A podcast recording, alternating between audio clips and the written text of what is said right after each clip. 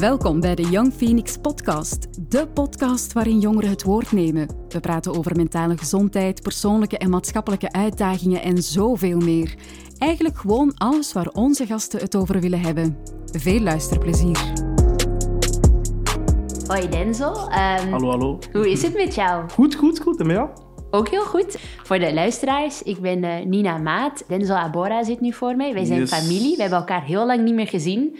Dus er valt uh, heel veel in te halen, denk ik. Ja, dus misschien ja, ja. Uh, is het interessant, Denzel, als jij je voorstelt wie jij bent en wat je doet in het leven. Um, ik ben uh, Denzel Abora. Ik zit nog op school. Ik ben 19 jaar. Ik woon in Stabok. heel mijn leven lang eigenlijk al. Toch bijna heel mijn leven. Ik woon met mijn moeder en mijn jongere zus. Mm -hmm. Ik heb in totaal, ik zal zeggen, ik heb, ik moet even denken. Zo. um, twee zussen, ah nee, drie zussen, één broer. -hmm. Maar um, ik ben opgegroeid met twee zussen en één broer half-half, want uh, hij was een voetballer, dus hij was niet echt hier okay. uh, aanwezig. Ja, ja, ja. Oké, okay. en je had het daar net over dat je nog studeert. Wat studeer je? ik doe business communication. Wauw. Dus, ik zit in mijn laatste jaar en ja.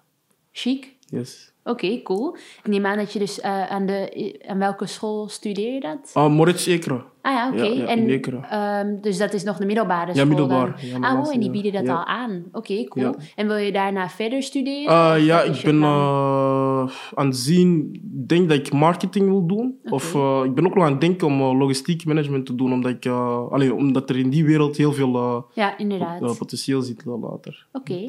Dus je studeert nu en het is nog volle bak corona eigenlijk. Hoe, hoe ervaar je dat eigenlijk?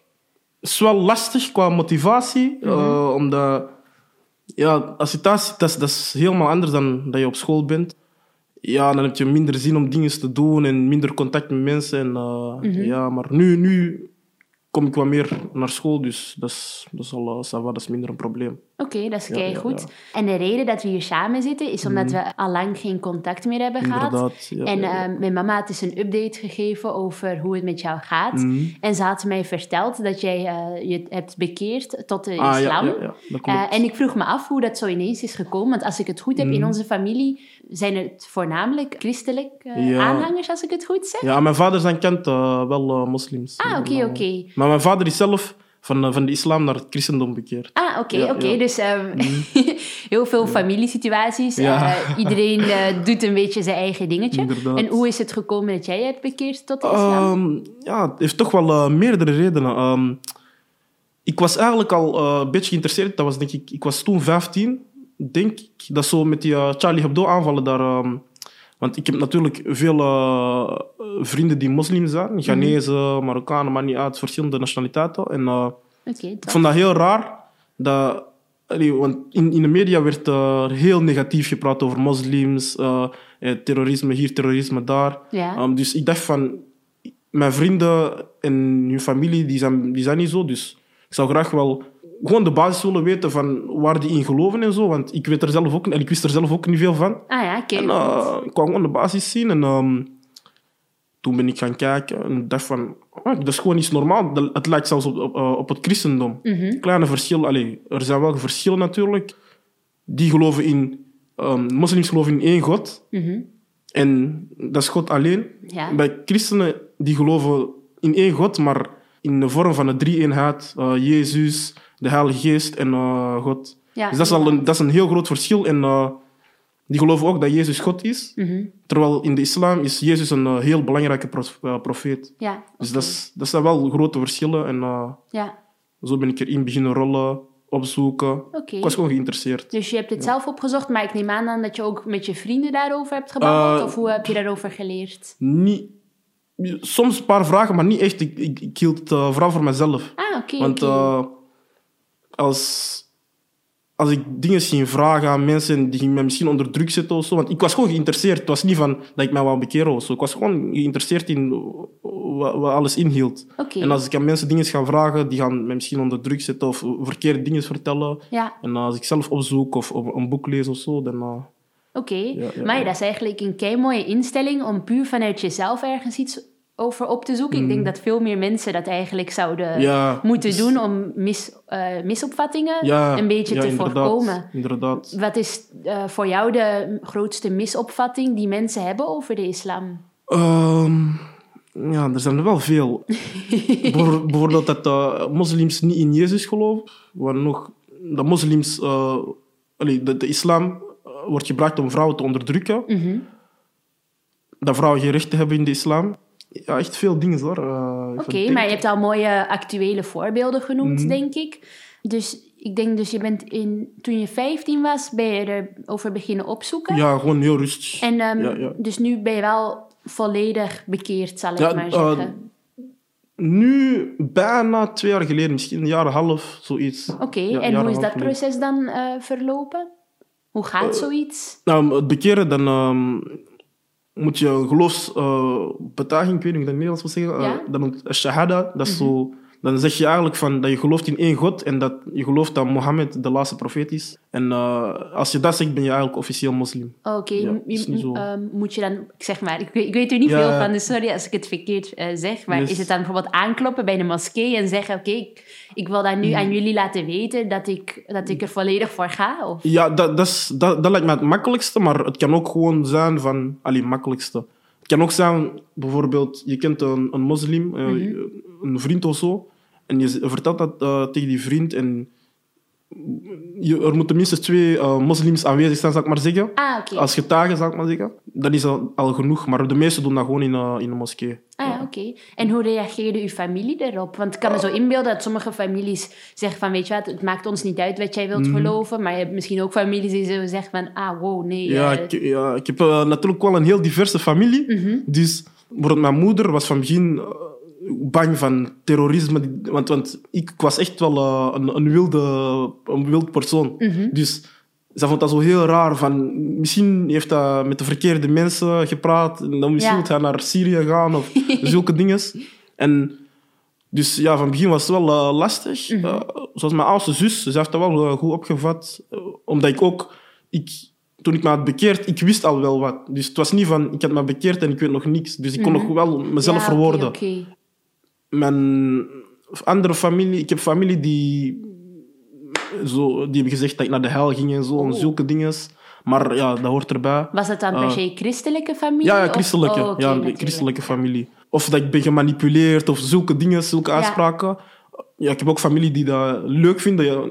Mijn uh, neef van mijn vader en zulke, zulke mensen. Mm -hmm. uh, mijn oma, zij is ook gewoon... Um, ja, ze is gewoon open, dus ze vond dat ook goed. Ik heb, ik heb veel familie die dat goed, goed ah, hebben opgevat. Ook negatief natuurlijk. Maar je meest dichte familie is er nu wel tevreden, ja, akkoord mee, zal ik maar zeggen. Niet, niet per se akkoord, maar uh, voor die praten er niet graag over of zo. Of, okay. Ja, soms wel een kleine discussies, maar... Want ik ga nu een stom voorbeeld geven. Ja. Hè? We hadden het daar straks heel even over uw uh, jongere zus Jada. Ja. En um, zij eet bijvoorbeeld vegetarisch. Mm. En ik, ik, eet bijvoorbeeld zelf ook vegetarisch. Ja. En ik weet dat mijn ouders dat echt belachelijk vinden. En die kunnen daar mm. hun hoofd maar niet ah, omheen krijgen dat ik mm. bijvoorbeeld die keuze maak.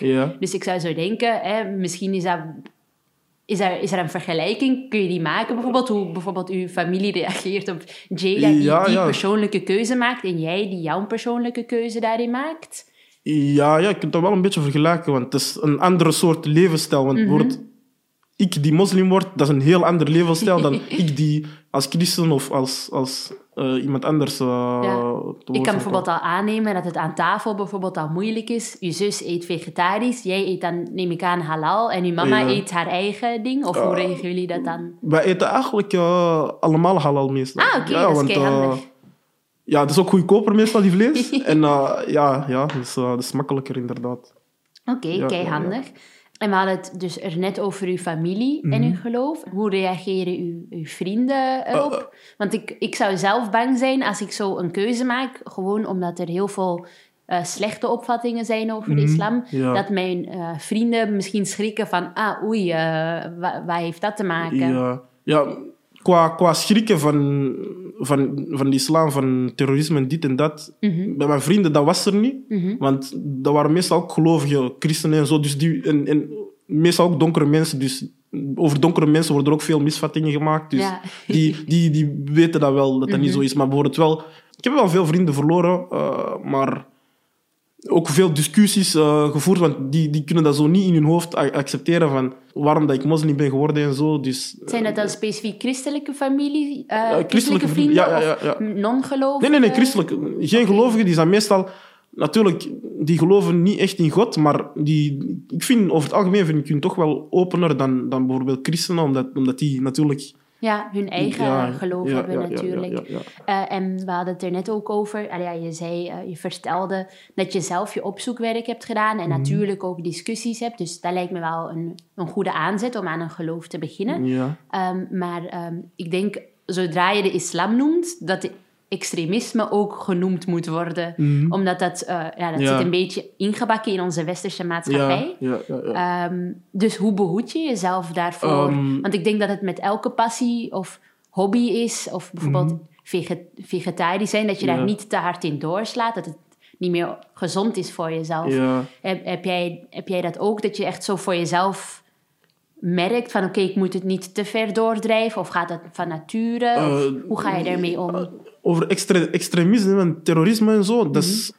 dat is niet per se van te veel willen. Mm dat zijn meestal mensen die bijvoorbeeld een tekst pakken uit, uit, uit de Koran of zo, mhm. en die vormen hun eigen waarheid er rond. Maar de mensen die daardoor worden aangetrokken, zijn meestal mensen die weinig over het geloof weten, of mhm. weinig bezig zijn met geloof, maar die worden overtuigd door zulke mensen die goed kunnen praten en, en bijvoorbeeld van, uh, ik zeg maar iets, uh, je bent van een andere nationaliteit. En mhm. hier in België wordt er wel vrij veel gediscrimineerd. Mhm. Dus dan, dan, gaan die zeggen van ja, hier in de westerse wereld discrimineren die heel veel en zo. Uh, dat accepteren wij niet meer. Mm volgens geloof mag dat niet. En dan pak ik die ene zinnetje en die vormen een hele verhaal er rond. En dan die persoon die al die woede heeft van die discrimina discriminatie in al die jaren. Mhm die, die wordt dan boos in zijn hoofd. Die denkt van, ah, die heeft gelijk, die heeft gelijk. laat, me, laat me die volgen, dit, dat. En, en zo gaat dat. Mhm. Maar uh, als je echt uh, jezelf verdiept in het geloof en echt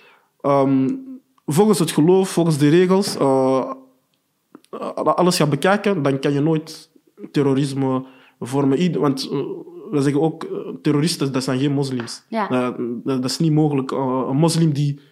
Een ander, want um, bijvoorbeeld, er is een vers en daar staat in, uh, één mens vermoorden is alsof dat je de hele mensheid hebt, hebt vermoord. En mm één mens uh, redden is alsof je de hele mensheid hebt gered. Ja. Dus, Oké, dat is mooi gezegd. Ja, um, je had het daarnet ook heel even over racisme en discriminatie. Mhm. Dat gebeurt denk ik in elke gemeenschap. ik denk ook in de moslimgemeenschap. is dat, iets waar je al hebt... Uh, heb je dat al eens meegemaakt? Ja, ja dat, is, dat is wel uh, het negatieve dat ik heb. Dat gebeurt heel veel eigenlijk. Of toch rechtstreeks... Allee, want nu bijvoorbeeld, er wordt misschien een beetje rond de pot gedraaid, maar, maar het is niet per se aan... Ja, het zijn wel, het zijn, ja, het zijn wel veel moslims. Zijn wel veel moslims, maar het heeft vooral met cultuur te maken. Mhm. Het heeft vooral met cultuur te maken, omdat um, donkere mensen die... Bijna overal donkere mensen worden al als minder gezien.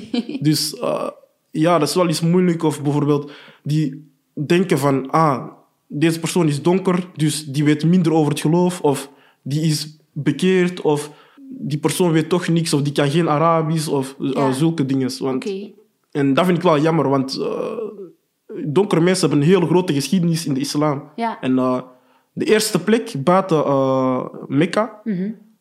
waar er echt moslims waren gevestigd, dat was in een zwart land in Somalië. Ah, Somalië, okay, Ethiopië. Ja, ja, ja, ja. Dus en in West-Afrika, in West-Afrika is er ook een hele grote geschiedenis van de islam voor kolonisatie en al die dingen. Dus ja, dus, uh... Oké, want ik had het net over uh, mijn vriendin, ook, mm. vriendin, ook een moslim. Ja. En zij had mij wel verteld hoe donker de huid, hoe minder je wordt geapprecieerd. En ja. ja, dat zij niet met een donkere jongen moest thuiskomen, terwijl ze wel zelf ook moslim is. Dus ik zou mhm. denken, als je, zij ervaart ook discriminatie natuurlijk. Dus ik zou zo denken, hè, maar hoe kun je dan zelf ook nog binnen een gemeenschap discrimineren als je zelf ook gediscrimineerd ja, wordt? Inderdaad, dat begrijp ik ook niet. Uh, en in de islam is dat echt streng verboden om racistisch te zijn. Want uh, er zijn overleveringen die ook zeggen van... Um, dat, dat je geen onderscheid kunt maken tussen kleur of mm -hmm. uh, afkomst of zulke dingen. Maar de enige um, uh, de enige verschil dat je kunt zien bij elkaar Mhm. is uh, het manier van het geloof uh, beleiden. Dus hoe goed dat die persoon het geloof beleidt en zulke Ja. dingen. Maar uh, huiskleur, dat is echt... dat is not done. Dus dat, dat is één ding dat je... Ja, dat is één ding dat je niet begrijpt van... Oké, ehm, Kei interessant. Ja. Ehm, dus ehm, eh, Young Phoenix is natuurlijk een organisatie die de brug wil over, overkappen tussen jongeren van een eh, verschillende achtergrond en eh, mensen die rond mentaal welzijn werken. Zeker nu tijdens corona denk ik dat het voor heel veel jongeren mentaal toch wel zwaar kan zijn. Ja. Ehm, en ik moest dan aan jou denken en dat jij toch wel, ik denk heel veel, ehm, hoe zeg je dat, hulp of steun uit je geloof kan putten. ja, ja. Kun je eigenlijk naast je geloofgemeenschap, kun je daar eens voorbeelden uit geven over hoe je daar steun uit, uit kan Eh, vinden? Of, Bijvo- Bijvoorbeeld door ehm, kennis op te doen, door te bidden en zo. Mhm. Dan, je voelt echt zo iets speciaals en rust in je hart. Mhm. En dat is iets dat ik ervoor nooit had. En zeker in deze coronaperiode, dat, eh, dat mij heel veel rust brengt. Heel veel, eh, ja, toch, mij toch gelukkig maakt. Want, Oké, eh, zalig. ja. En zijn er zo eh, zaken waar je rust uit kan vinden buiten je geloof? Zijn er nog andere dingen? Ik denk dat je ook nog veel sport zeker? Ja, Of, ja, ja, voetbal, gewoon, doe je dat nog? Ja, ik ben gestopt met voetbal. Ah, door, wow. Ik had een, ehm, twee jaar geleden, denk ik, een blessure aan mijn lies. Oei. En ik ben blijven... Allee, ik, ik was aan het revalideren. Dat was Ja. beter geworden. Maar sindsdien, altijd als ik te veel sportte, dan begon ik eh, terug te, eh, pijn te hebben, terug te voelen, terug blessure. Dus dan ben ik naar een lager niveau gegaan. Ik dacht van minder trainen en zo. En ik had nog steeds te veel last, dus ben ik wel gestopt. Maar ik Mhm. Oei. voetbal nog wel voor plezier en zo. Oké, maar ehm, waar kan je dan nog je ei in kwijt? Naast, Eh. zijn er zo nog andere zaken waarvan je denkt dat helpt wel echt om rust te vinden? Of, Ja, zoals ja, gewoon buiten wandelen, lopen. Mhm. Ja, dingen. Met vrienden afspreken zelfs. Ja, oké. Praten, ja, ja, ja. En heb je zelf ook al eens beroep gedaan op, op ehm, ik weet niet, ik zeg maar iets sociaal werkers, psychologen, therapeuten? Nee, Want nee, die brug is voor veel jongeren toch nog een grote Ja. stap om te zetten. inderdaad. Dus ik neem aan, geloof is dan misschien iets eh toegankelijk, omdat je daar zelf Ja, over ja, kan ja. opzoeken. En dat is persoonlijker. eh, Ja, ook. dus dat is wel een tip die je aan andere mensen zou willen meegeven. Of... ja als, als die gelovig zijn, toch daar rust in vinden. Want eh, in, ik weet niet, in geld of zulke dingen ga je nooit permanent rust vinden. Dat is misschien tijdelijk, maar Oké, dat is nu ook al tijdens corona eh, gebleken, denk ik, dat altijd heel hard werken en geld verdienen, dat dat niet alles is Ja, in ja, het leven ja. natuurlijk. Oké, ehm, en wat zou je aan eh, non-gelovigen of niet-gelovigen eh, Eh. meegeven, waar, als tip of als levensvisie? eh, amai, dat zou ik eigenlijk niet weten. ik zou persoonlijk, wat ik zou willen zeggen is ehm, zeker zijn in wat je gelooft of niet gelooft. Gewoon van eh, misschien kleine dingen opzoeken van, van alles eh, en nog wat. En gewoon voor jouzelf beslissen van dit is de waarheid voor mij en, en dat is het. Want uiteindelijk, we gaan allemaal alleen dood. Dus eh, ja, als je er tenminste voor jouw waarheid hebt gestaan, dan, ja, dan is dat goed. Maar stel je voor, je hebt nooit dieper opgezocht of dit of dat. En, en je gaat dood en je ziet ineens iets anders. Dat is wel, ja, dat is wel jammer. Oké, dat lijkt me een hele mooie afsluiter. Heel erg bedankt, Denzel. Geen probleem, geen probleem. Ziezo, het zit er weer op. Wil je iets kwijt over deze aflevering of heb je zelf een onderwerp waarover je wil komen vertellen? Laat het ons weten via onze sociale mediakanalen of via een berichtje.